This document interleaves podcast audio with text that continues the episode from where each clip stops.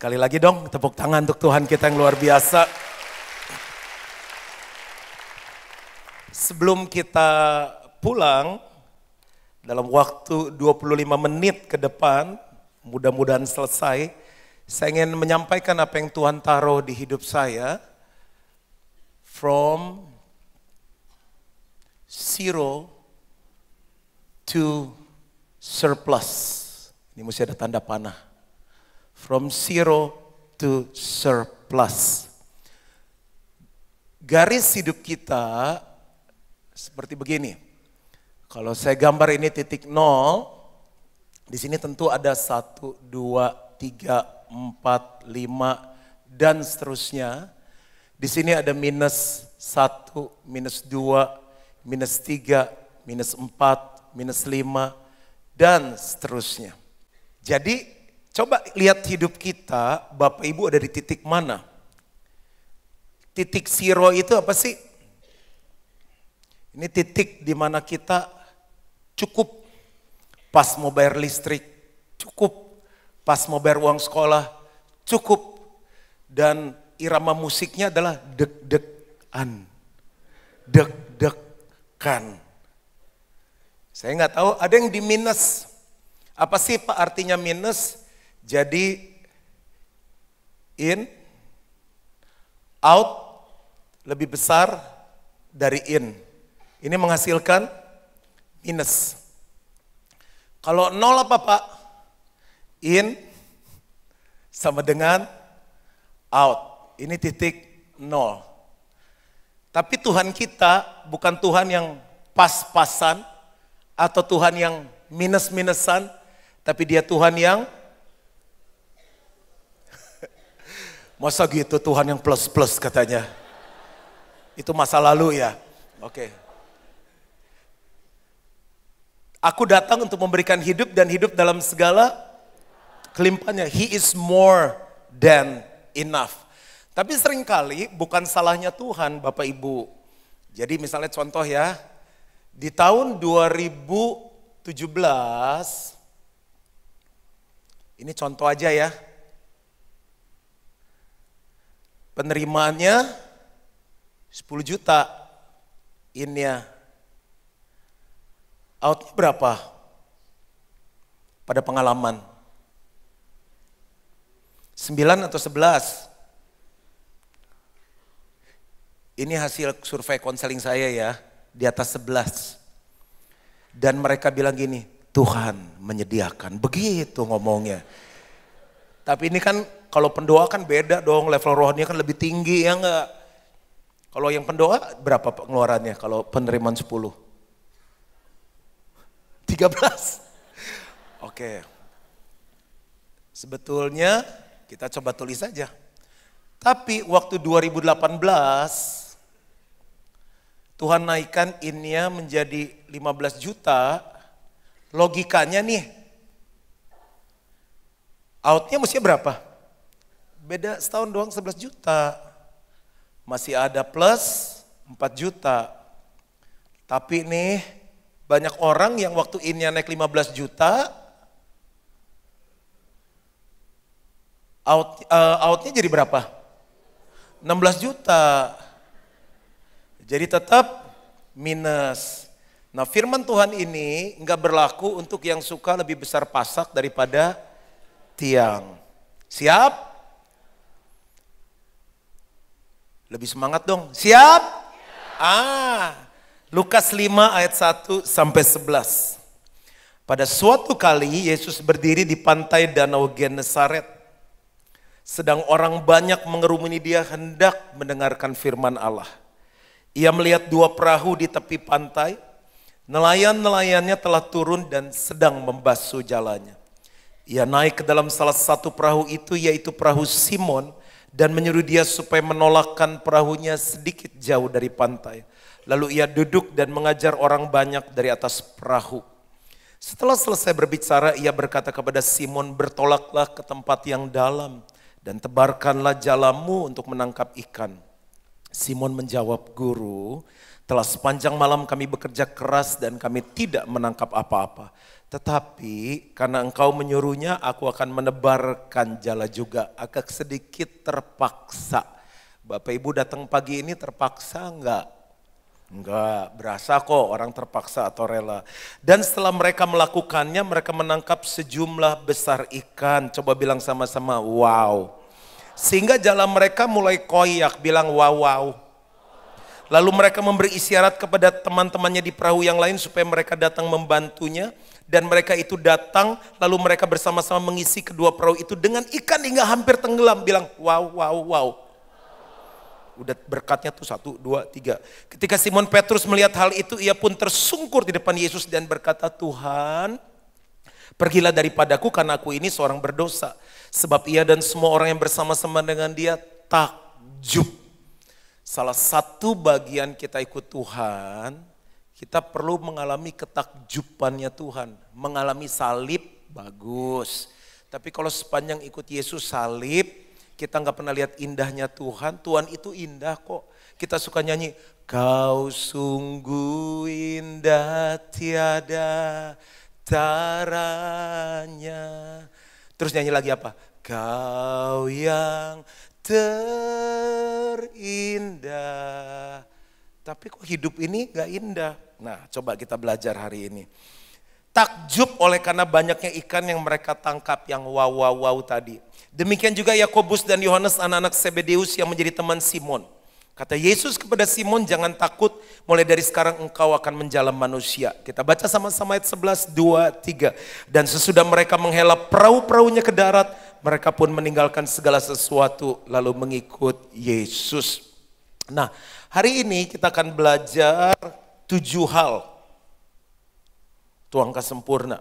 Bagaimana kita bisa mengalami dari nol sampai berkelimpahan. Pak, kita minus, nggak apa-apa jadi minus beda-beda tipis sama nol. Bagaimana kita bisa mengalami dari nol sampai berkelimpahan. Kenapa saya bilang nol? Kenapa judul ini keluar? Karena waktu saya lagi baca ayat ini mereka nggak menangkap apa-apa. Nggak punya apa-apa. Kalau kita masukkan kartu ATM tulisannya begini. Maaf saldo Anda hari ini tidak mencukupi. Sedih rasanya. Dan mereka sampai apa? Perahunya hampir tenggelam, jalannya hampir koyak, sampai bagi-bagi berkat sama orang lain. Berarti itu berkelimpahan kan? Apa sih yang pertama? Kuncinya ada di ayat yang kedua. Untuk mengalami from zero to surplus adalah kita harus percaya. Ini ada di ayat yang kedua. Coba bilang sama-sama percaya. Bunyi ayatnya gini, Yesus melihat dua perahu di tepi pantai, nelayan-nelayannya telah turun dan sedang membasuh jalannya. Ada tiga kata yang penting di sini, Yesus melihat perahu. Perahu menggambarkan bisnis kita, pekerjaan kita. Yesus tahu nggak kalau tahun ini kita nggak dapat bonus? Yesus tahu nggak kalau tahun ini kita nggak naik gaji? Yesus tahu nggak kalau ini bulan terakhir kita bekerja di perusahaan itu? Yesus tahu nggak kalau kita marketing bulan ini belum jual rumah? Tahu. Mata Tuhan ada di segala tempat. Hal sebaliknya Yesus tahu nggak kalau kita di night club? Kalau lagi ajuk, ajuk, ajuk. Yesus tahu? Tahu. Makanya nih kita banyak orang Kristen percaya mati masuk surga, tapi kurang percaya bahwa Yesus sangat concern untuk bisnis kita, untuk cien. Karena dia tahu yang namanya akhir tahun mesti bayar THR, liburan, anak-anak pengen jalan-jalan, Natal pengen beli sesuatu yang baru mungkin. Ia melihat bisnis kita. Lalu nelayan-nelayannya telah turun Siapa yang tahun 2018 bisnisnya turun? Yesus lihat. Dan sedang membasuh jalannya. Sedang clear the net. Makanya ada istilah clearance sale. Cuci gudang. Bahkan jodoh pun sedang krisis. Pertama minta seiman. Ditunggu tiga tahun gak ada diskon 10 persen. Udah mau jatuh tempo kira apa? Cuci gudang deh, siapa aja? Jangan. Jangan. Siapa yang udah berpikir gini, udah deh tutup deh. Kita buka bisnis baru deh. Udah kita declare bangkrut deh. Hari ini, 8 Desember 2018, percaya Yesus datang untuk memberikan hidup dan hidup dalam segala kelimpahannya. Yesus yang kaya jadi miskin supaya kita yang miskin jadi kaya. Yesus mati di kayu salib, tempat itu terkutuk tapi tempat itu sekaligus pertukaran. Dia yang kaya, raja, turun nggak punya apa-apa supaya kita punya sesuatu di dalam Tuhan. Percaya bahwa Tuhan melihat bisnis kita yang sedang turun, yang sedang cuci gudang. Bilang sama-sama percaya. Coba tanya kiri kanannya, lu percaya nggak? Penting itu. Karena kalau orang udah nggak percaya, dia mulai ambil jalur alternatif. Dia mulai pakai bawah meja, samping meja, atas meja. Dia mulai pakai relasi kiri dan kanan, dia mulai pakai yang lain-lain. Sekali percaya, tetap percaya.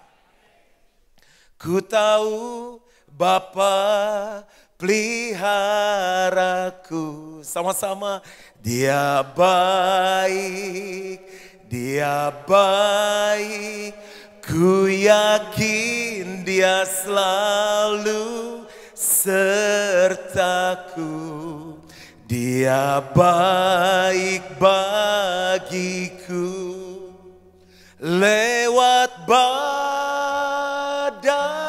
cobaan. Semuanya mendatangkan kebaikan Ku tahu Bapa peliharaku. Sama-sama bilang, dia baik bagiku.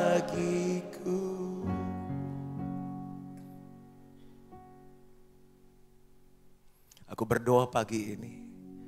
Setiap mereka yang berkata aku percaya dimeteraikan di dalam hati mereka. Setiap keraguan, ketakutan aku tolak keluar dari hati mereka di dalam nama Yesus. Dan semua yang percaya sama-sama katakan, amin, amin. Sekalipun aku dalam lembah kelam, ku tak takut sebab kau besertaku sekalipun sekalipun badai topan datang menerpa ku tak gentar sebab kau di sisiku. Yuk sama-sama bilang aku percaya aku percaya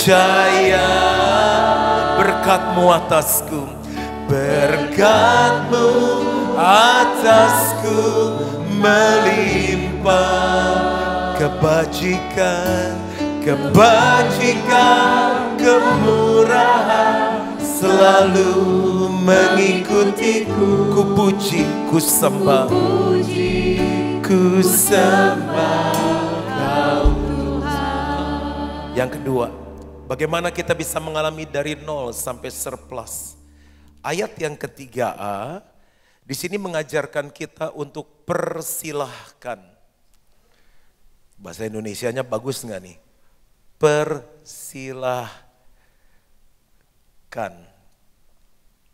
Ayat 3A. Saya biar dipaksain bahasanya supaya semuanya jadi P. Jemaat pulang ingat. Ia naik ke dalam salah satu perahu itu, yaitu perahu Simon. Bapak Ibu yang lagi ngalami nol atau minus, coba renungkan deh. Ada nggak keputusan-keputusan yang kita ambil tanpa mempersilahkan Yesus sebagai pemimpin dalam bisnis kita? Bagus, cuan, sikat. Untung gede, bungkus. Yesus di dalamnya sopan. Masuk pintu aja dia ngetok kok. Wahyu 3 ayat 20 ia berdiri di muka pintu dan mengetok. Barang siapa membukakan pintu ia akan masuk. Yesus nerobos pintu bisa nggak? Bisa. Yesus. Waktu kerja di perusahaan ini udah nanya Yesus belum? Waktu dipromosi, ah masa dipromosi naik Yesus, nanya Yesus, udah pasti dari Yesus. Ada promosi yang bawa kita jauh dari Tuhan. Enggak, jangan langsung berhenti, jangan langsung resign, jangan langsung tutup tokonya. Tuhan, ini ada keputusan-keputusan salah yang saya buat enggak ya? Misalnya, marketing bohong. Tahu marketing bohong enggak? A bilangnya B, B bilangnya C, C bilangnya D, satu bilangnya dua, dua bilangnya empat. Begitu. Pembukuannya, kalau Yesus lihat pusing enggak? Akuntingnya. Waktu ngisi pajak, nanya Yesus enggak? Waktu untung masuk, nanya Yesus enggak nih dapat untung nih Tuhan sekian rupiah.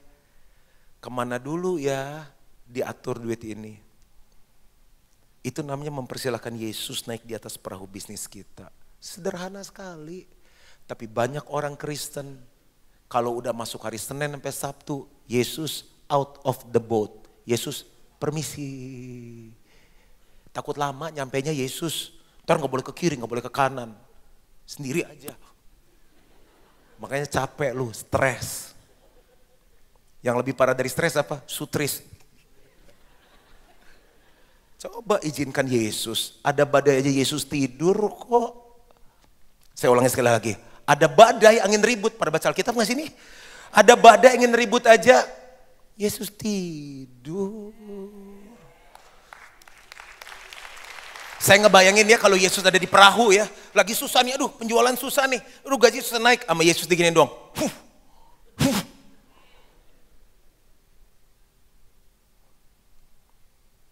nakal-nakal dikit aja Yesus gini sedikit tsunami. Tanya kiri kanannya siapa yang di dalam perahu. Jangan-jangan di sini cuma komisaris sama direksi. Yesus di luar. Yesus hari Minggu aja udah. Simple, tapi banyak orang nggak bisa beranjak dari nol ke plus, dari satu ke dua, dua ke tiga, karena dia yang jadi bos. Mau doa sampai monyong juga kalau kita jadi bos. Eh Yesus bilang gue udah bilang ke kiri, lu ke kanan. Yang ketiga, jadi biar doa-doa pagi nggak kecewa. Masalah yang penting bro, Senin sampai Sabtunya. Yang penting-penting gini nggak diaminin, heran. Yang ketiga, perhatikan. Perhatikan. Kita tuh kalau dengar tawaran orang suka nafsu. Nafsu, oke oke, gue masuk, gue masuk, gue join, gue cipin, gue cipin. Dia udah kagak tanya Yesus. Ayat 5 dan 6.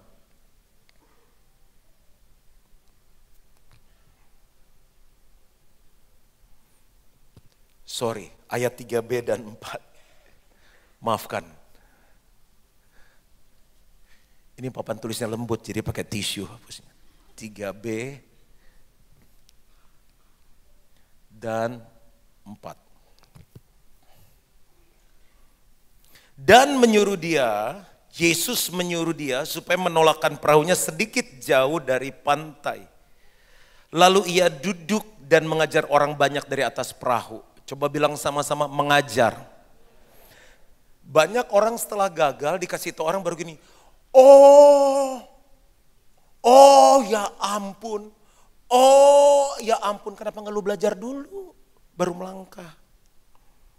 Malu bertanya, setelah selesai berbicara, ia berkata kepada Simon, bertolaklah ke tempat yang dalam dan tebarkanlah jalamu untuk menangkap ikan. Yesus papanya kerja apa? Simon pekerjaannya apa? Nangkep ikan. Tukang kayu sama nangkep ikan, kalau ngobrol cocok nggak?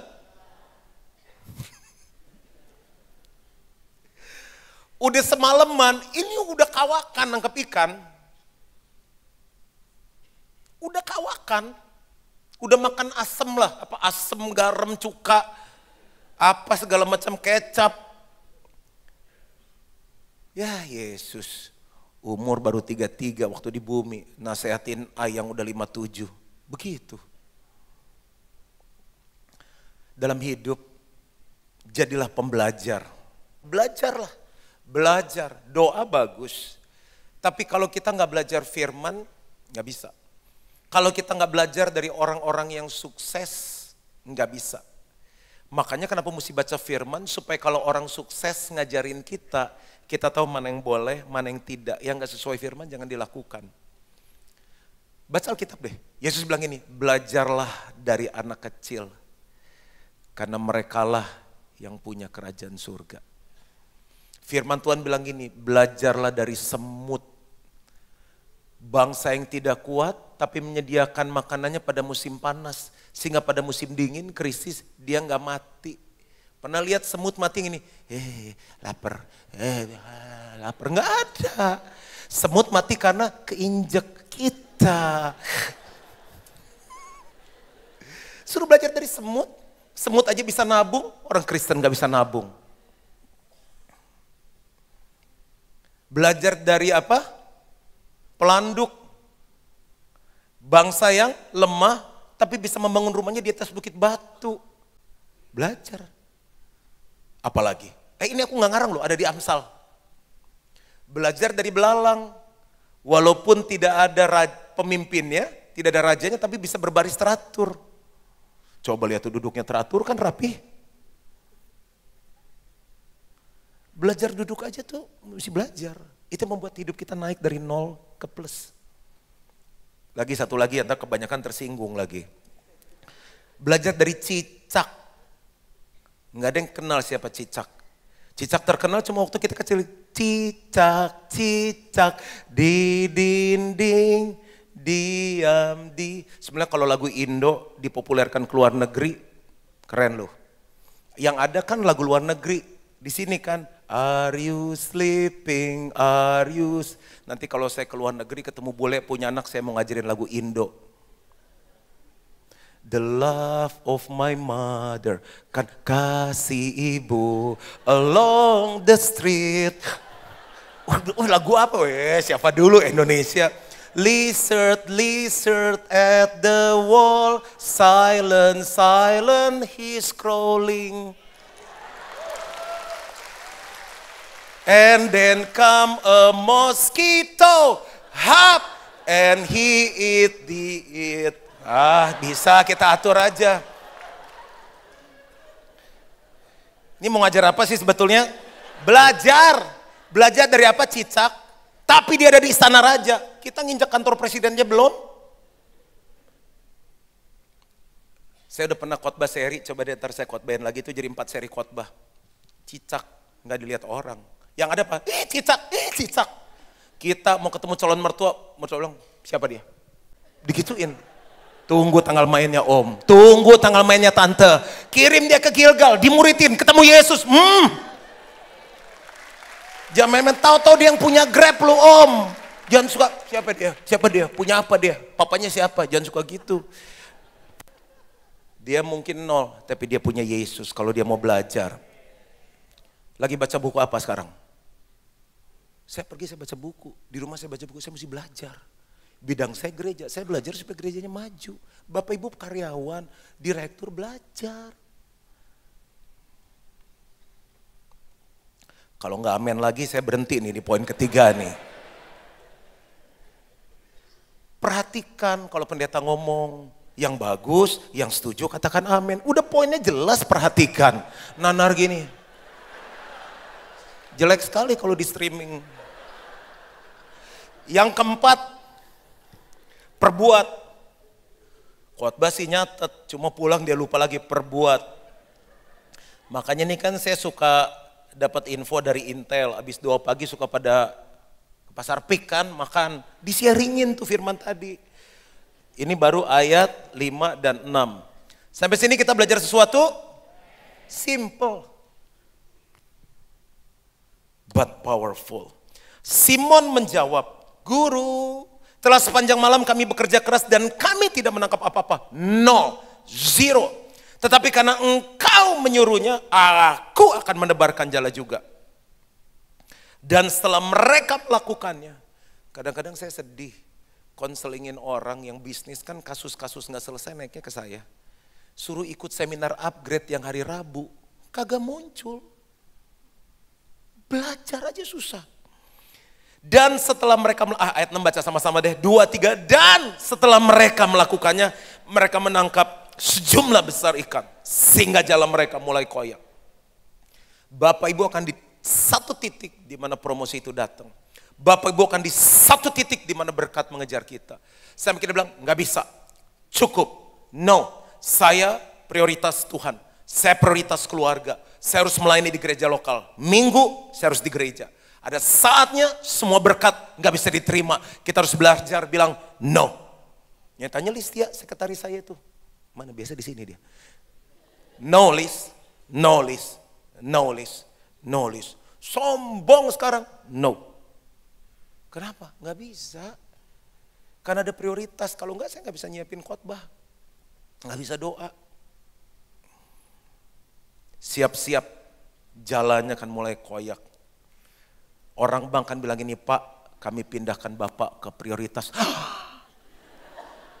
Bapak mulai sekarang gak usah ngantri, langsung ke ruangan sebelah. Ada cappuccino, ada apa lagi? Espresso, fettuccine, Lamborghini. Bilang kiri kanannya, siap-siap. Hmm, tunggu tanggal mainnya. Yang keberapa sekarang? Kelima, perluas kita akan tetap di titik tiga. Dari nol udah surplus kan? Mau ke empat nggak? Mau ke lima nggak? Mau ke sepuluh nggak? Ini ada kuncinya di ayat yang ke tujuh. Lalu mereka memberi isyarat kepada teman-temannya di perahu yang lain supaya mereka datang membantunya. Pak, nggak semua berkat untuk kita, bagi-bagi berkat. Ini Natal banyak parcel, bagi-bagi. Lu mau makan semua Black Forest sama lapis Surabaya. Nggak muat tuh celana. Mulai hal kecil dulu. Kalau parcel Natal bisa bagi, teman kita bilang gini. Bekas ya dikasih orang kasih gua. Nggak apa-apa, yang penting kita bagi. Kalau beli baju baru, lemari udah nggak muat, kan pakai kadang kan masih bagus, sharing. Ah sayang siapa tuh ntar modelnya celana gede lagi yang bisa masuk duren. Eh beli lagi kali. Sepatu yang dulu yang udah zaman lancip itu. Yang nendang orang masuk ICU tuh. Udah aduh. Udahlah itu dulu. Coba bilang kiri kanannya bagi-bagi. Bagi-bagi jangan suka pelit. Ini pulang sini jangan makan sendiri, taktir-taktir nanya, langsung lift jalan ke mobil, makan sendiri, ntar rame-rame, bingung bayarnya. Ajak-ajak, Supaya apa hidupnya naik. Natal coba ajak ipar, adik ayo makan-makan Natal traktir, kan dapat THR. Dikasih yang ringan juga nggak amin. Ini mana ini? Bagi-bagi. Itu yang membuat kita surplus. Lalu mereka memberi isyarat. Jadi kalau udah berkat gini nih. Yon, kalau udah berkat, kepada teman-temannya di perahu yang lain supaya mereka datang membantunya dan mereka itu datang lalu mereka bersama-sama mengisi kedua perahu itu dengan ikan hingga hampir tenggelam. Ingat berkat jangan bikin kita tenggelam. Ada nggak bisa diberkati sombong? Jalan begini lu. Dulu lagi nggak punya duit nih. Hey bro, sekarang gini. Apa sih? Mesti begini. Enak tau gak lihat orang-orang kaya begitu. Tambah kaya, tambah rendah hati. Ngerti? Jangan sombong. Ini banyak orang kaya gak ntar marah lagi. Enggak, enggak, kita kaya anak Bapak di surga. Bisa bedain ya pastor bercanda sama enggak ya. Siapa orang kaya di sini? Iya dong anak Bapak di surga. Yang berikut yang keenam. Pertobatan. Tadi yang kelima apa ya? Oh perluas, saya belum tulis perluas ayat 7. Aduh maaf nih telat sedikit aja. Ayat 7 yang ke ke-6 apa tadi? Pertobatan ayat 8, 9, 10a. ayat 8, 9, 10a. Kenapa pengkhotbah suka lebih waktu? Karena yang dikhotbahin itu orangnya semangat. Jadi nggak bisa berhenti. Ketika Simon Petrus, kasih, ketika Simon Petrus melihat hal itu, ia pun tersungkur di depan Yesus dan berkata, Tuhan pergilah daripadaku karena aku ini seorang berdosa. Dia normal nelayan, dosanya apa sih? Karena dia nggak jadikan Yesus Tuhan, dia nggak undang Yesus ada di perahunya, dia nggak banyak belajar dalam hidup. Selama ini dia mungkin nggak bagi-bagi berkat sama orang lain. Dia bilang aku berdosa. Sebab ia dan semua orang yang bersama-sama dengan dia takjub oleh karena banyaknya ikan yang mereka tangkap. Kalau pakai cara kita, banyak air mata. Kalau pakai cara Yesus banyak takjubnya. Demikian juga Yakobus dan Yohanes anak-anak Sebedeus yang menjadi teman Simon. Terakhir yang ketujuh, purpose. Indonesia, Indonesia, terakhirnya Inggris, purpose. Supaya P. Supaya habis ini kita bisa P, pulang. Ayat 10b dan 11 kita selesai. 10b 11. Kata Yesus kepada Simon, jangan takut. Coba bilang sama-sama, jangan takut. Kalau baca Alkitab, ada 365 kata, jangan takut. Satu tahun 365 hari, berarti kalau besok 9 Desember, Tuhan bilang ini, jangan takut. Pas mau bayar THR 10 hari atau 2 minggu sebelum 25 Desember, Tuhan bilang, mulai dari sekarang kau akan menjala manusia. Maksudnya kita semua harus jadi pendeta? Enggak. Dan sesudah mereka menghela perahu-perahunya ke darat, mereka pun meninggalkan sesuatu lalu mengikut dia. Apa artinya? Tuhan mau kita nih waktu naik dari satu, dua, tiga, empat, lima, enam, ingat kita pebisnis, kita profesional. Tapi tujuan utama kita adalah menyenangkan Tuhan saat kita membawa jiwa-jiwa datang kepada Tuhan. Tujuan kita diberkati supaya banyak jiwa diselamatkan. Kita belajar sesuatu pagi hari ini. Amin. Mari kita bangkit berdiri bersama-sama.